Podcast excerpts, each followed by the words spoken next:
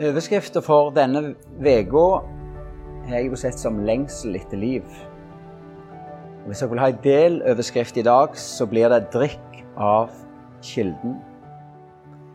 Eh, Jeg delte første, første dag fra Forkynnerne 3.11 Alt skapte han vakkert i sin tid. Også evigheten har han lagt ned i menneskenes hjerte. Alt skapte han vakkert. Og så har han lagt evigheten ned i hjertene våre. Han har lagt en, om du vil, en lengsel etter den evige, etter Gud sjøl.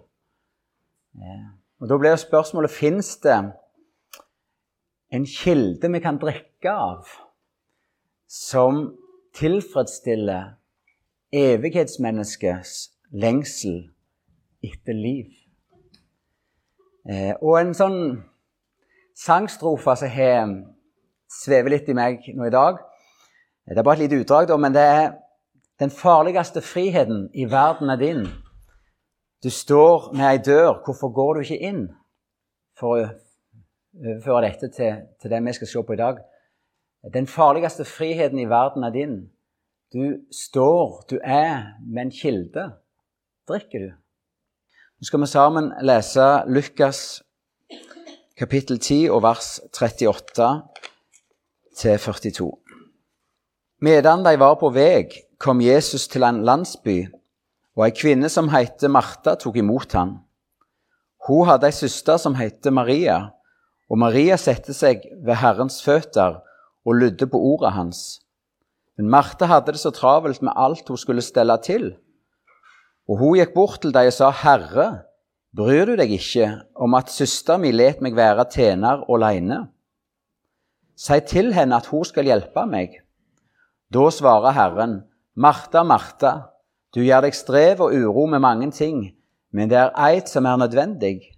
Maria har valgt den gode del, og den skal ikke takes fra henne. Dette er en tekst som både vi har hørt mange ganger, og som eh, Kanskje noen har et litt anstrengt forhold til, for en har en opplevelse av at en spiller Martha ut mot Maria. Den aktive som tjener, som er virksom, som får mat på bordet, eh, osv. Dette her, sånn jeg opplever det, er ikke en tekst som spiller Martha ut mot Maria. Men Jesus ønsker å tale til oss om noe som må få komme først. En rekkefølge i ditt og mitt liv. Eh, det står om Maria at hun setter seg ned med Herrens føtter og lytter til hans ord. Og det må ha vært naturstridig for hun å gjøre. For hun og søstera hadde nettopp fått 13, for alt vi vet kanskje 70, omvandrende mannfolk, sultne, tyste, på besøk i heimen sin. Og På den tida kan du være sikker på at det til å være ei vertinne, det sto høyt i kurs. Og det var ikke bare sånn som vi kan gjøre hvis vi får overraskelsesbesøk av mange, at vi kan ringe til pizzabakeren eller ta noe takeaway eller finne noe i frysa. Her måtte ved bæres, vann bæres. Det måtte fyres i grua, og deigen måtte settes. Skulle kjøtt serveres, så måtte lam eller sauen slaktes. Det var så utrolig mange ting som ropte på ei vertinne. Det var så mange plikter og oppgaver som kalte. Og Sånn tror jeg vi òg kan kjenne oss igjen. At når, eh, når, en dag begynner, så er det så mange ting som roper på oss. Jeg skal bare, eller jeg må, eller ja, jeg må huske det. Og så er det som et stort hjul igjen som begynner å svive. Og så er det utrolig lett å bare være med på den, den karusellen. Den ferda av alle ting som bare tar oss, og som vi må, og så, og så videre. Sånn er livet i verden. Ikke alle dager like, men sånn er det for de fleste av oss at det er mange ting som roper på oss. Mange ting vi skulle ha gjort. Mye vi vil. Eh, og da må vi lære oss til å handle imot det som føles fornuftig. Vi kan ikke bare liksom fylle følelsene våre at ja, jeg skal bare gjøre dette. Eller skal vi få ta vare på det som kan være gullet i ditt og mitt liv, så må vi handle imot mange ganger det som kan føles som fornuftig. Og det Jesus i denne teksten taler til oss om, det er at det er en tjeneste som kommer først i ditt og mitt liv. Det er tjenesten for Herrens ansikt. Eh, det er et kall eh, som kommer før kallet til å gå ut, og det er kallet til å komme inn. Til å sette seg ned, til å ta imot Hans ord. Det blir nesten som pusten i et kristenliv, dette Jesus vil tale om, om oss med. Akkurat som vi trenger å dra pusten inn for å ha noe å puste ut. Vi trenger å ta imot for å ha noe å gi. Og han vil ha oss inn til seg, inn til sitt ord. Før alle de andre tinga eh, som livet og hverdagen er fylt med. Ja, sjøl før tjenesten for han. Det at vi går ut og gjør oppgaver for han. Eh, det står om Martha at hun var travelt opptatt med alt som skulle stelles i stand. Jeg har en eh, kamerat, og han sier med sånn lurt smil at det er travelt å være kristen. Og hvis vi liksom skal prøve å gå inn i rollen for det er en god kristen Dette er bare sånne tanker vi kan ha om hva en god kristen skal gjøre. Vi skal liksom være noe i alle sammenhenger. Vi skal ta ansvar på skole og SFO, i gater og nærmiljø. Vi skal helst dra i gang det ene og det andre, og vi skal engasjere oss. og vi skal... Så er det nesten som vi kan springe fra komité til komité og håpe at noen merker noe av Guds fred og kjærlighet i det vi suser forbi. Det er travelt å være kristen. Vet du hva? Et sånt liv det kaller ikke Jesus deg til. Hvis det er sånn du lever, så vil jeg si med Salme 46 stopp. Eller stans og innse at 'jeg er Gud'. Og dette tenker jeg er en anledning for oss i dag til å stoppe opp. For av og til så kan vi være så travle at vi til og med kan nesten ta ansvaret for Guds rike. For at mennesket skal bli frelst, at menigheten skal vokse, at folk skal trives og så videre. Så hvem av oss kan vel frelse et eneste menneske? Ingen. Hvem kan få menigheten til å vokse? Ingen. Hvem kan få troen til å vokse i en annen? Ingen av oss. Det er Gud som gir vekst. Det er Gud som gir liv. Så det å komme inn i denne her Maria-posisjonen, denne hvilestillingen, der vi får lov å ta imot det som gir liv, som vi har noe liv å gi, det er så viktig for oss. Martha, Martha, du gjør deg strev og uro med mange ting. Det som vi skal legge merke til, det Martha var travel i tjenesten for Jesus. Det var, strevet hennes var til å lage mat og være god vertinne for sultne disipler. Så det var jo en flott oppgave. Det var god omsorg. Det er òg en veldig viktig ting for Jesus. Han sier jo til Peter 'fø mine lam'. Altså, så det til å vise omsorg, til å gi sultne disipler mat, både fysisk og åndelig Ja, selv et glass med vann til en av de minste en stor ting. Så dette er viktig. Men det hadde blitt et strev for Martha. Uro, bekymring, jag. Men det vi også kan legge merke til, det er at Jesus er i huset til Martha. Jesus er nær Martha.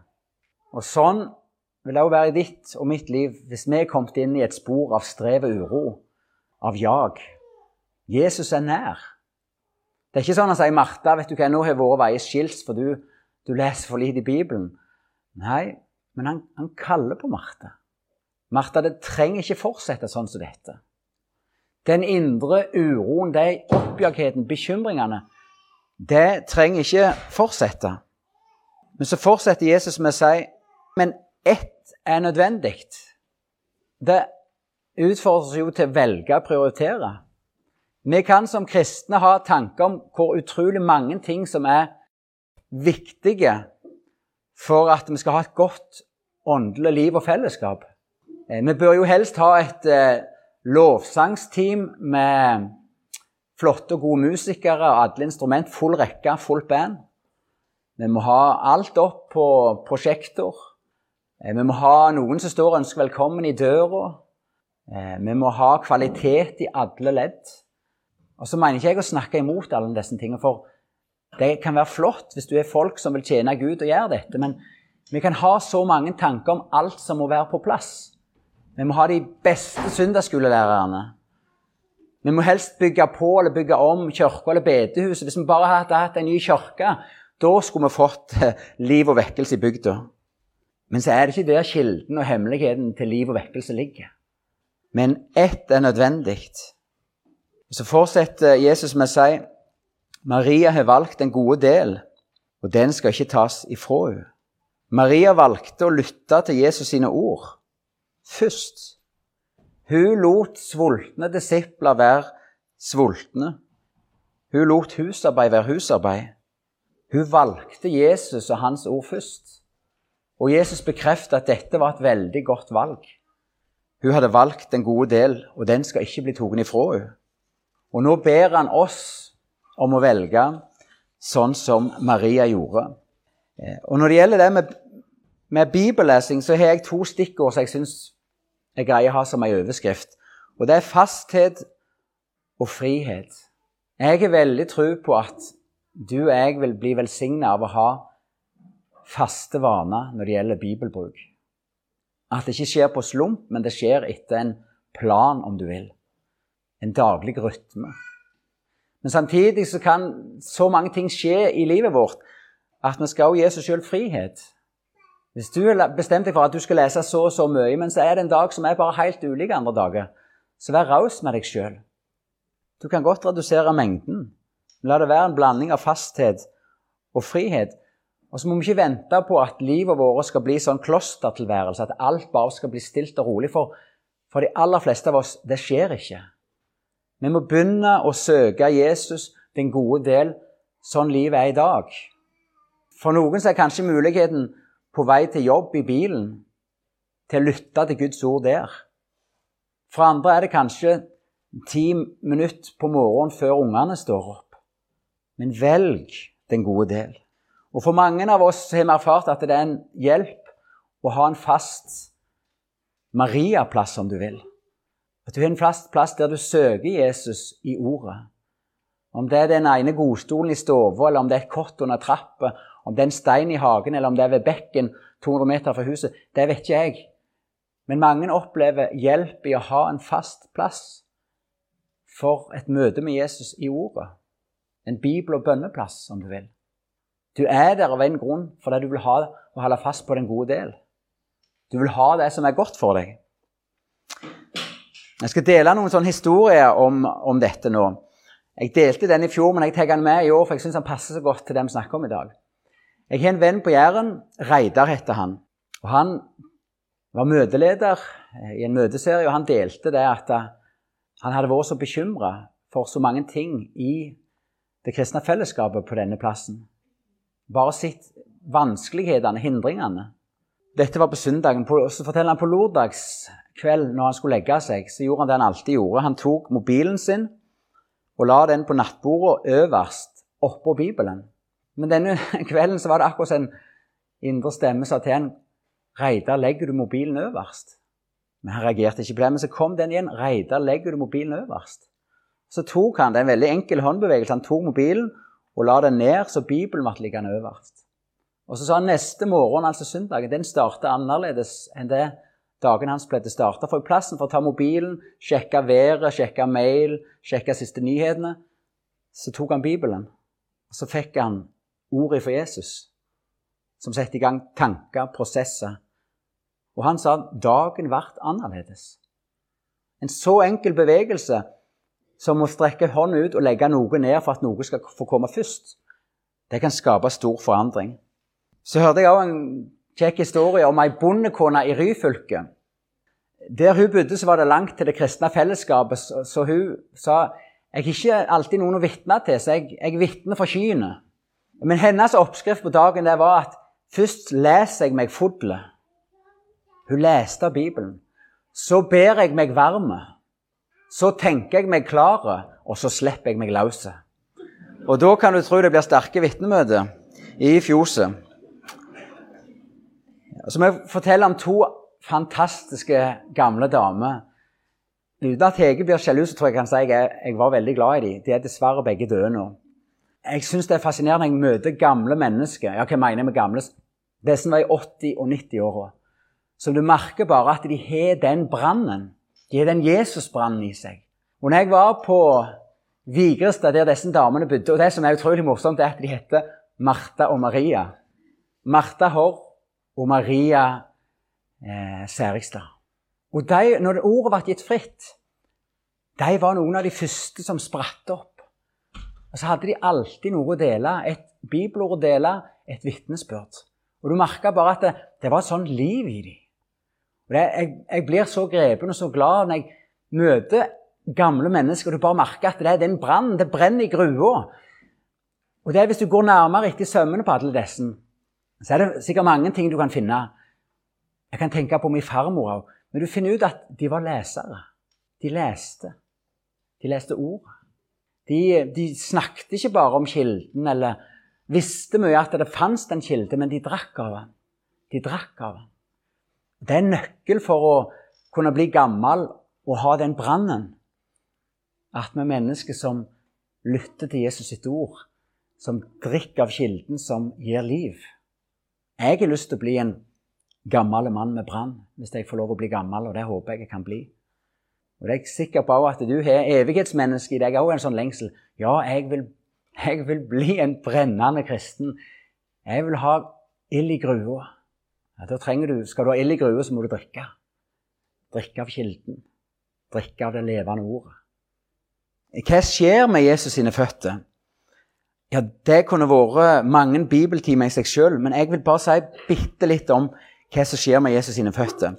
Og Da skal vi lese i 2. Timoteus kapittel 3 og vers 15-17. Eh, det er jo sånn at eh, når vi hører hva Bibelen sier om hva Bibelen gjør, så er det sånn Vi kristne kan jo egentlig ikke være annet enn galne etter å ta til oss av dette ordet, som har en sånn kraft i seg. Der står det Og heilt fra du var et lite barn, har du kjent de heilage skriftene, som kan gi deg visdom til frelse ved trua på Kristus Jesus. Hver bok i Skrifta er innånda av Gud og til nytte i opplæring, formaning, rettleding, oppseing i rettferd, så det mennesket som hører Gud til, kan bli fullt utrusta til all god gjerning. Altså de hellige skriftene som Gud har pusta sitt liv inn i, de leder til frelse ved tru. De skaper tru og gir frelse. De oppdrar i rettferdighet, og de utruster det mennesket som tar til seg av dette livet, til all god gjerning. Helt utrolig det Bibelen gjør, og sjøl sier at han gjør det mennesket som tar imot den gaven som Bibelen er, det livet, den krafta som ligger i de ordene. Og En salme jeg er veldig glad i, er Salme 1. Vi kan lese den òg. Eh, første del av den. Salme 1. Sæl er den som ikke følger råd fra lovløse, og ikke går på synderveg og ikke sitter i spotterlag. Altså Det er noe Jesus ber oss om å velge vekk. Og så kommer det han ber oss om å velge. Men har sin glede i Herrens lov og grunner på Hans lov dag og natt. Han er lik et tre planta ved rennende vann. Det gir frukt i rette tid, og lauvet visner ikke på det. Alt han gjør, skal lukkes. Altså for, for, et løfte, for noen løfter for det mennesket som vil grunne på Guds ord, på Herrens lov.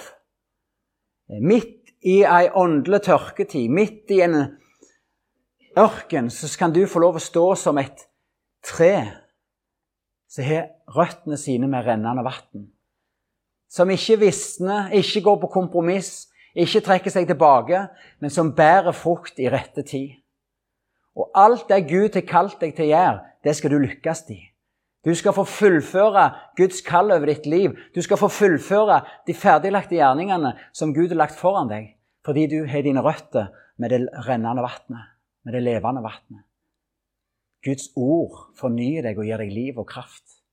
Og Jesus sier selv i Matteus 4,4 at mennesket lever ikke av brød alene, men av hvert ord ifra Guds munn. Tenk litt på det. Jesus tar her en parallell mellom brød på den ene sida og Guds ord på den andre. Brødet, maten, er jo livsviktig for fysisk liv.